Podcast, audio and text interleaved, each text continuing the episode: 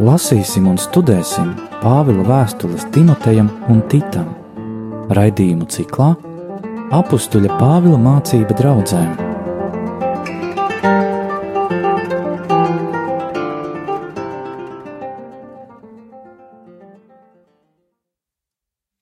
Slavēts Jēzus Kristus. Mūžīgi mūžos slavēt Studijā Stela. un Anģela. Arī šodien turpināsim lasīt pirmo Timoteja vēstuli. Un ko tad Pāvils ir rakstījis Timotejam pagājušajā reizē? Mēs aplūkojām tās īpašības, kādas ir vajadzīgas baznīcas kalpotājiem, kā vadošajiem cilvēkiem, un atradām, ka tas viss ir samērā smagi un grūti, Un vēl dar pie šīs trešās nodaļas atgriezties, jo tur ir tāds viens pants, kas rada diezgan lielu interesi. Kas ar to īsti ir domāts un kāpēc tā tur ir teikts? Trešā nodaļa, 11. pants. Iepriekš un arī pēc tam ir runāts par diakoniem. Mēs noskaidrojām, ka tie ir kalpotāji, kas ir nodarbojas ar praktiskajām lietām, bet pa vidu ir sievietes minētas, kādā sakarībā viņas tur ir.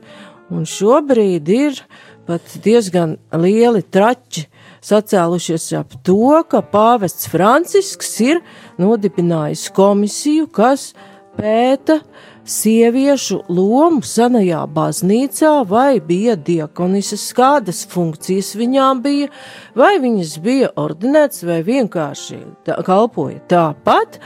Un šis pants nedaudz mudina tam pievērsties, jo pārbaudot dažādus tulkojumus, kā ir tulkots pat uz krievu valodu, vienā no tiem pat parādījās šis vārds diakonisi, bet skatoties grieķu valodā, ir ginaikos, tātad sievietes, un nav tieši pateikts, ka tas attiecas tikai uz diakonu sievām.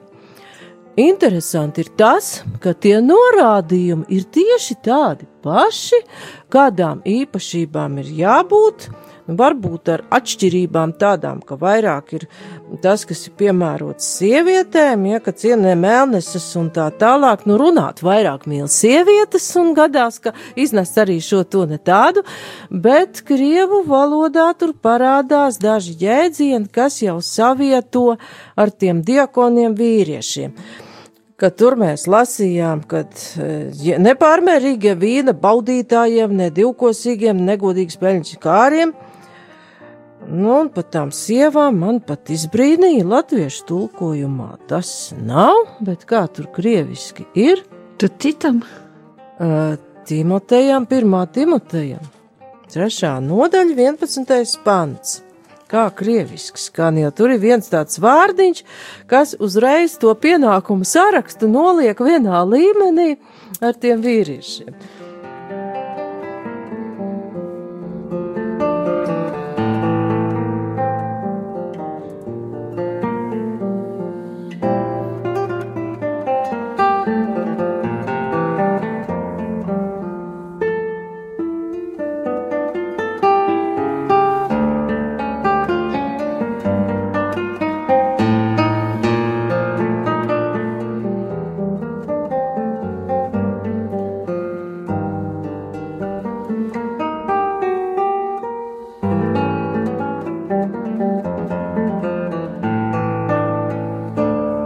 Равные жены, их должны быть честны, не клеветницы, трезвы, верны во всем.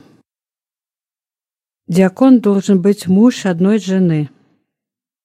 Jā, paldies. Хорошо управляющий детьми и домом своим.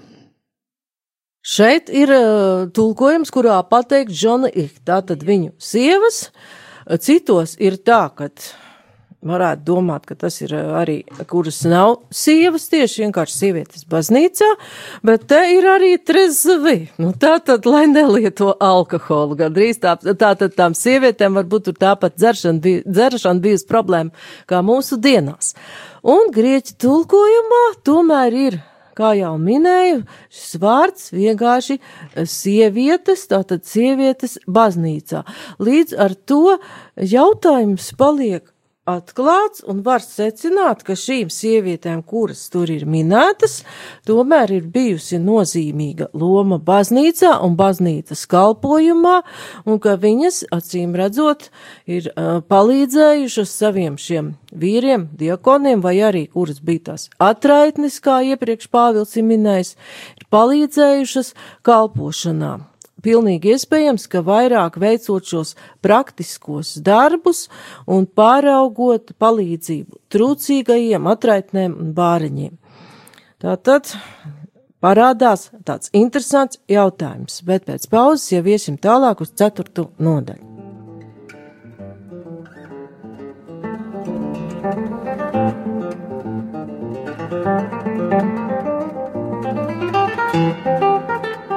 you.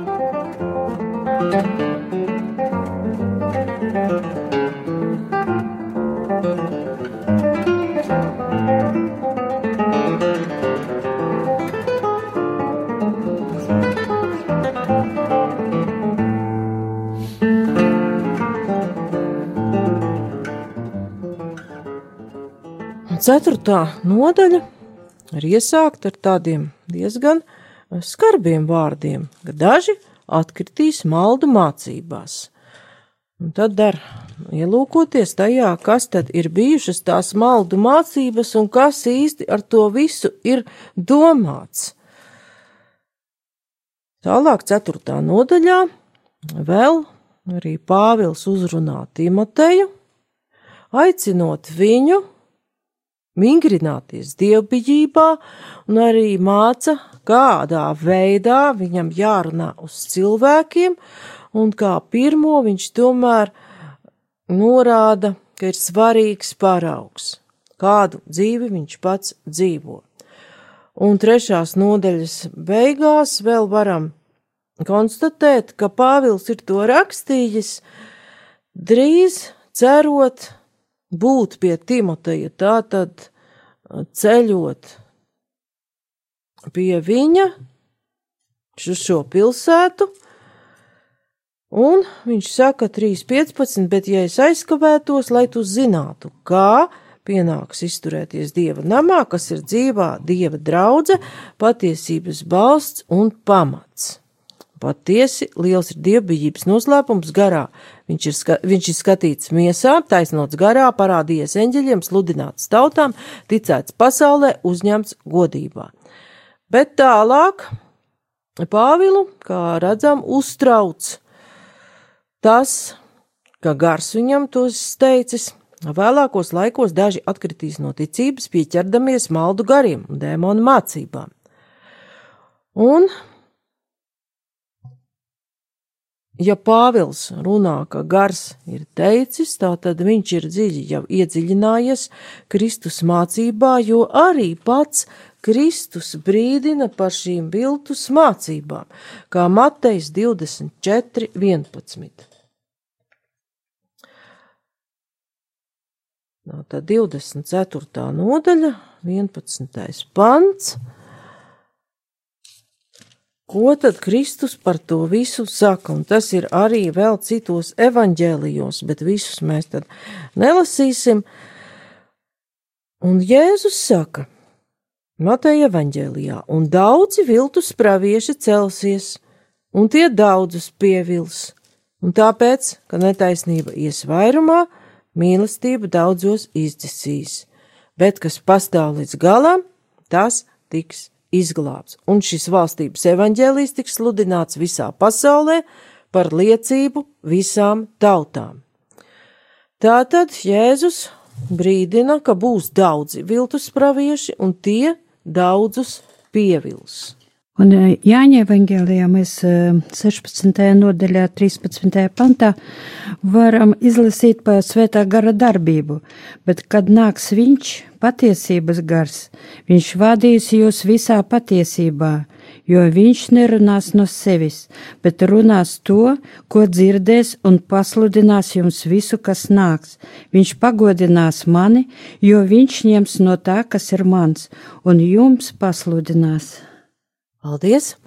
Tātad šis Jāņa evaņģēlijas fragments paskaidro, kādā garā Pāvils to raksta un runā. Tātad viņā ir šis patiesības gars, kurš viņam ļauj atšķirt, kādas ir šī, šīs maldu mācības.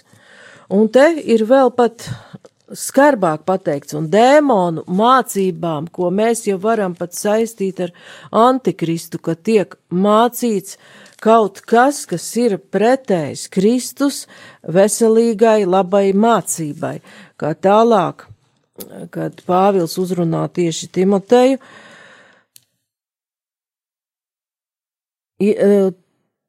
tevis ieturētās labās mācības vārdos. Viņš nevienā vien vietā sauc Kristus mācību par veselīgu, par labu, kā arī sestā nodaļa. Trešā pantā viņš atgādina to pašu, tātad, ja viņš vairākas reizes to atgādina, tas tajā laikā ir bijis ārkārtīgi svarīgi.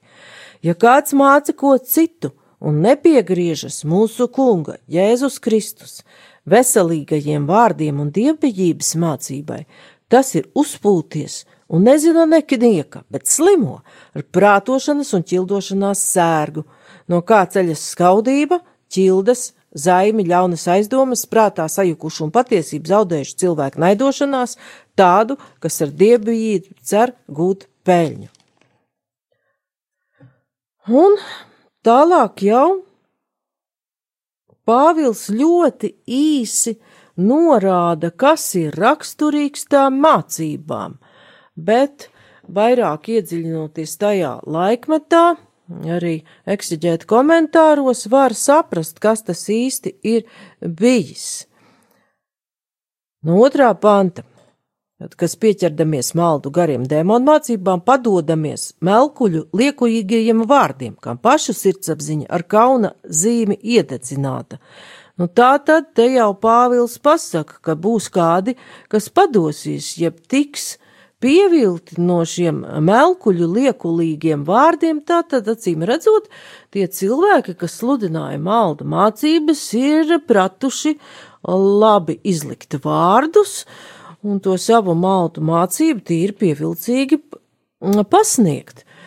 Ka maldu mācības izplatījās, mēs to varam lasīt arī Jāņa atklāsums grāmatā, ka tā tas bija arī Efezes draudzē, arī Tietīras draudzē. Tāpat mēs Jāņa atklāsums grāmatā varam lasīt par viltus pravieti, kā arī par zvēru, kam ragi ir kā jēram, bet runā kā pūķis. Tā tad problēma tā ir visai liela un tik tiešām saistīta ar ļauno garu.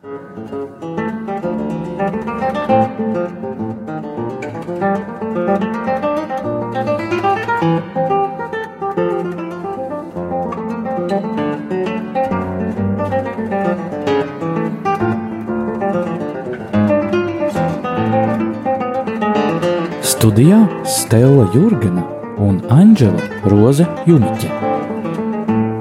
Un tātad tiem cilvēkiem jau ir sirdsapziņa ar kauna zīmi iededzināta, tātad tiem, kas sludina maldu mācību, jau pat sirdsapziņa ir, nu, var teikt, tās mācības sabojāta, jau ir ielikta šī zīme, kauna zīme. Kas bija svētajos rakstos tā zīme, zīmoks, jeb zīme, mēs zīmogu redzam arī atklāsmes grāmatā un ar divējādu nozīmi. Zīmoks, ko iespieda, piederības zīme.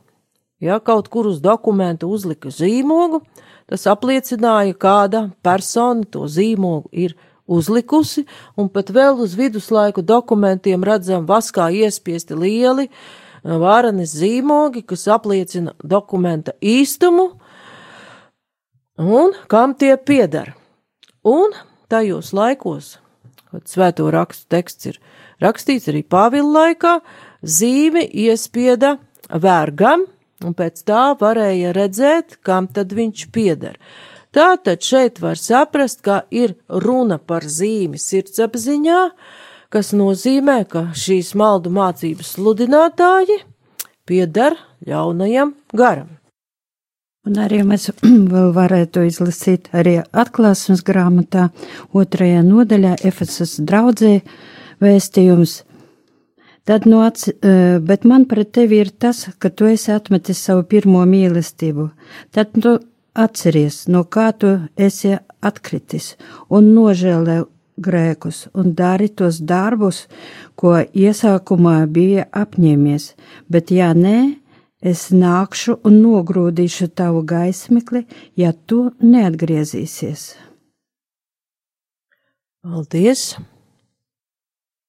Tātad te atklāsmes grāmatas fragmentā ir redzams, kādas tālāk ir sekas, ja ir pieņemts šis zīmoks, kas apzīmē piedarību ļaunajam garam, tātad tas ir saistīts arī ar pirmās mīlestības izzušanu, un ja mēs lasītu šo tekstu tālāk par Efesas draudzi, mēs redzētu, ka tur arī ir maldu mācība, kad es man pret tevi, kad uh, tu paciet, laikam tekstā savādāk vārda kārtība, Nikolaīta darbus. Bet atklāsmes grāmatas teksts arī parāda iespēju, kā šo situāciju mainīt, kā šī atgriešanās pie Jēzus ir spējīga šo zīmogu, var teikt, izdzēst un dot jau citu zīmogu, kas apzīmē piederību kungam. Uzvarētājiem es došu ēst no dzīvības koka, kas ir Dieva dārzā. Paldies! Tad tas nozīmē jau atkal piekļūt dzīvības kokam.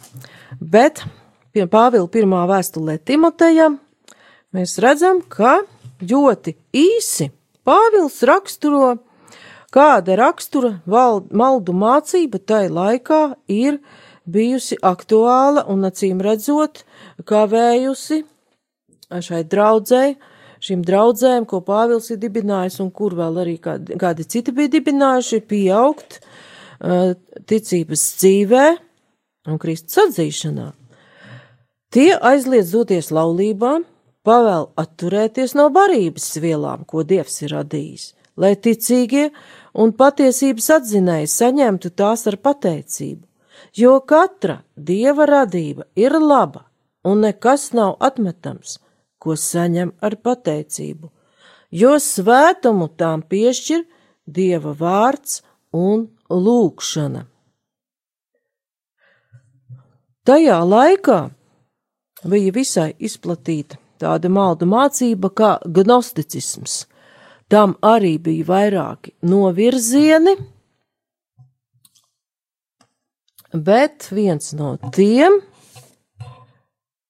aizliedza doties laulībā, atzina, ka atsevišķi ēdieni nav derīgi, tie ir slikti,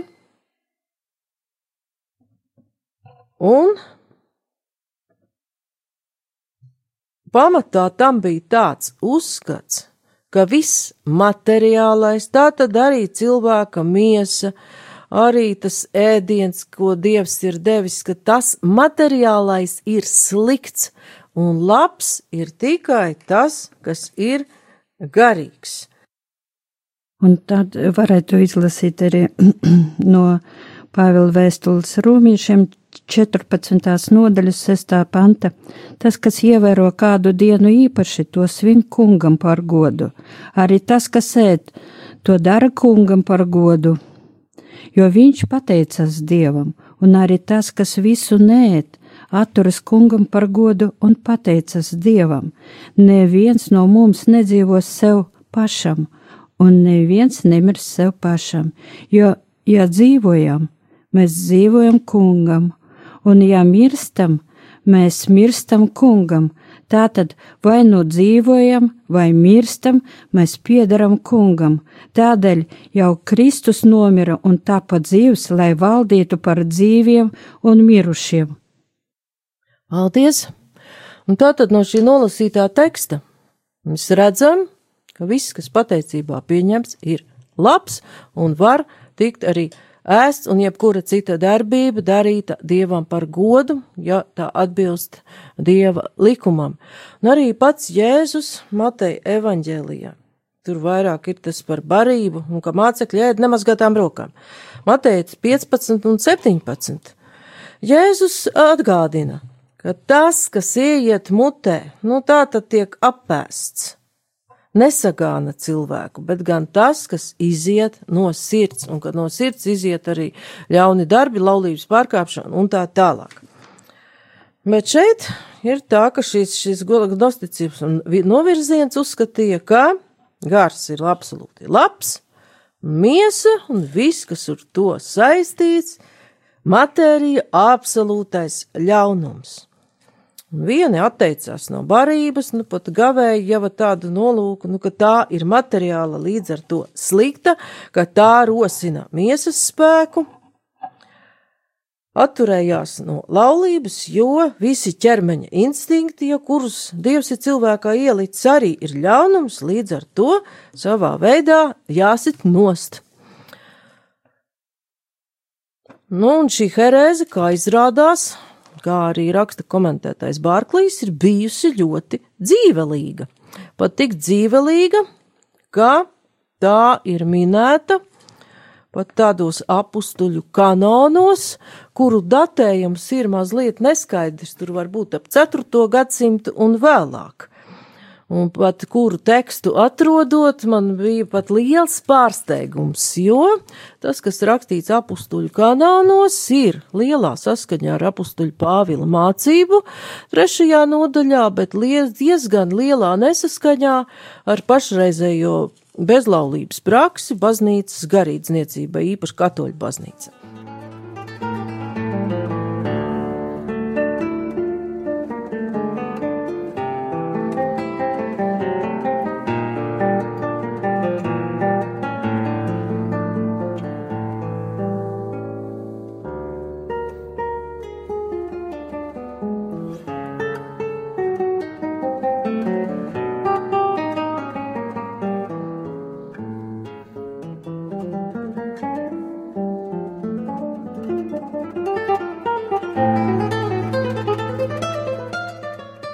Kāpēc tad bija pirmajā baznīcā tik negatīva attieksme pret šo gnosticismu mācību? Nu, kā kāds grib būt stingrāks kā dievs. Un šie apstuļu kanoni, tāds numurs 51, pat rakstīja tā, ka ja kāds no garīdzniekiem, nu tur minēti visi tie, kas mums tur bija minēti, atturas no laulības vai kāda ēdiena vai vīna, ne askēzes dēļ. Nu, tā tad te bija tas, ka, ja kaut kas notiek pa dievam pagodu, ja tas varētu tā būt, un šajā uh, komentārā Bāklīs raksta, ka tai, tur tas tika vairāk apustuļu kanonā saistīts ar to, ka tas varētu būt gandarīšana par grēkiem, bet kāda cita iemesla dēļ, nicinot to barību vai arī laulību kā tādu, tad tas iznāk, ka ir pat bogahuļstva dieva zaimošana, un ka tad tāds, lai pamet amatu. Diezgan pārsteidzoši vārdi, bet ar to šis kanons ir vēlējies uzsvērt to, ka katra barība ir laba, ja tā tiek pieņemta ar pateicību, un kā arī laulību ir Dievs iedibinājis jau iesākumā, radīšanas iesākumā, kad viņš radīja vīrieti un sievieti. Tātad tas ir apustuļu kanonos numurs 51. Arī ieradnēs otrā gadsimta beigās raksta par kāda Saturnas sekotājiem, Saturns acīm redzot, te ir domāts cilvēka vārds, ka laulība un dzimtas turpināšana ir no vēlna, un tāpēc daudzi atturas no laulības dzīves, arī barības, un daudzus tas aizved ar viltus runām par atturēšanos. Tātad tas ir Irenēs pret Herēzēm 1.24.2. Nu, tālāk sekas jau 4. gadsimtā un tālāk bija arī ne tik pozitīvas, jo šī herēze pat varbūt pat tika aizmirsts kaut kur, ka tā ir Maldu mācība noveda pie dažādām pārmērībām, pat mūku dzīvē. Ka varbūt atceramies, ka tur sēdēja uz stāba un tikai ēdienu uzvilka viņam augšā, vai arī citi pacieta, ka viņu sēd tur kukaiņi, un, un, jo uzskatīja, ka, ja ir tīra miesa, tad būs netīrs gars, tātad tas noveda pie lielām pārmērībām, un tādēļ pirmbaznīca centās no tā visa izvairīties. Un pieņemt ar pateicību gan visas tās dāvanas, ko Dievs dod mums miesas uzturēšanai, ēdienu, un te var piezīmēt, ka ebrejiem bija par katru, varētu teikt, tā vienība par augļiem, par vīnu, bija īpaši pateicības lūkšana. Un kā redzam no Pāvila, ka tā lūkšana dara to barību, kas mūsu priekšā ir svētu, tā tad galda lūkšana Pateicība ir ļoti svarīga, arī pateicība par to, ko mēs saņemam par šo dienu, arī par atalgojumu, par to, ka mums ir darbs, ka šobrīd mēs esam veseli, vai arī veicām kādu labu darījumu, vai vēl kāds bija dota iespēja darīt kādu labu darbu. Un es arī vēl, vēlētos izlasīt Pāvila vēstuli kolosiešiem, otro nodaļu, 20. pāntu, un tad brīvība un pilnvērtīga dzīve Kristu. Jā, jau līdz ar Kristu esat miruši pasaulīgajiem pirmspēkiem, kādēļ tad jūs, it kā vēl pasaulē dzīvodami, pakļaujieties tās noteikumiem? Neņem, nēt, nepieskaries, kas lemti iznīcībai un nelietoja, nolietojas. Tas viss ir pēc cilvēku izdomātiem priekšrakstiem un mācībām. Tas viss gan ārēji izskatās gudri viņu pašu izdomātajā dievkalpošanā ar visu viņu pazemību un miesīgu atturēšanos, nicinot miesas vajadzību apmierināšanu. Ja nu jūs esat augšām celti līdz ar Kristu, tiecieties pēc tā, kas augšā, kur Kristus sēž pie Dieva labās rokas savu prātu virziet uz to, kas augšā, ne uz zemes lietām, jo jūs esat miruši un jūsu dzīvība līdz ar Kristu ir apslēpta Dievā. Paldies!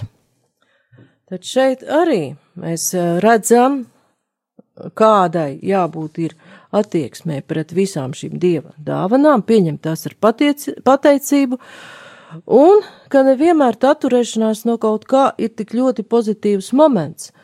Un te var saprast arī no apstuļa Pāvila vēstules, arī no apstuļa kanona, ka pats svarīgākais ir šī motivācija, vai cilvēks mēģina te kontrolēt dievu, būt eh, stingrāks par dievu, vai pat pareizāks par dievu, vai viņš jāturas no kā dēdiena, vai laulības, vai vēl no kaut kā dara to dievam par godu, vai arī tas ir gandarījums par Uh, saviem vai kāda cita grēkiem. Un visu, ko vien jūs darat, vārdos vai darbos, visu dariet Kunga Kristus vārdā, cer viņu pateiksimies Dievam, te, pateiktamies Dievam Tēvam. Tas ir kolosieši arī trešā nodaļa, 17. pants. Paldies!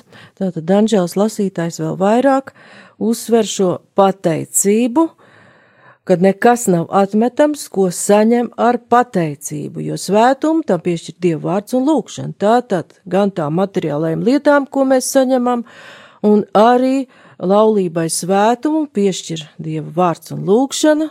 Tātad, kad tiek e, slēgta šī laulības savienība, jo kāpēc tad Pāvils to ir arī tur minējis? Un kā pat jūdi uzskata, kad tiek radīts e, cilvēka uh, dvēsele, kad laulības tiek slēgtas debesīs, kad tiek radīta arī viņa laulātā dvēsele. Un tur pat bija teikts, vai 40 dienas pēc tam, tur es īsti neatceros, kā šis teksts bija, bet kad arī tas viss jau ir paredzēts Dieva plānā, ka ir labi būt laulībā, ir labi pieņemt to barību, kas tiek dot ar pateicību, un ka ir labi arī turpināt uh, savu dzimtu, jo, kā izrādījās, tas atsevišķās maldu mācībās tika uzskatīts par kaut ko ļoti nepilnīgu un ļoti sliktu. Un var saprast, ka šīs mācības, ka tas, kas tiek saņemts materiālais, izdzīvots arī materiālajā miesā, ir slikts, varbūt pat dzīvniecisks, ka šo mācību aste var saprast velkas gandrīz vai līdz mūsu dienām. Bet kādā veidā mēs to varam saskatīt pat mūsdienās, un kā ar to cīnās pāvests Francisks, to mēs nedaudz paskatīsimies nākamajā reizē, un tad jau pievērsīsimies par to, kādas norādījumus Pāvils dod Timotejam, vingrināties dievbijībā un kādā veidā mācīt cilvēkus. Bet šoreiz pateicos par uzmanību. Studijā bija Stela un Anģela. Apustuļa Pāvila mācība draudzēm.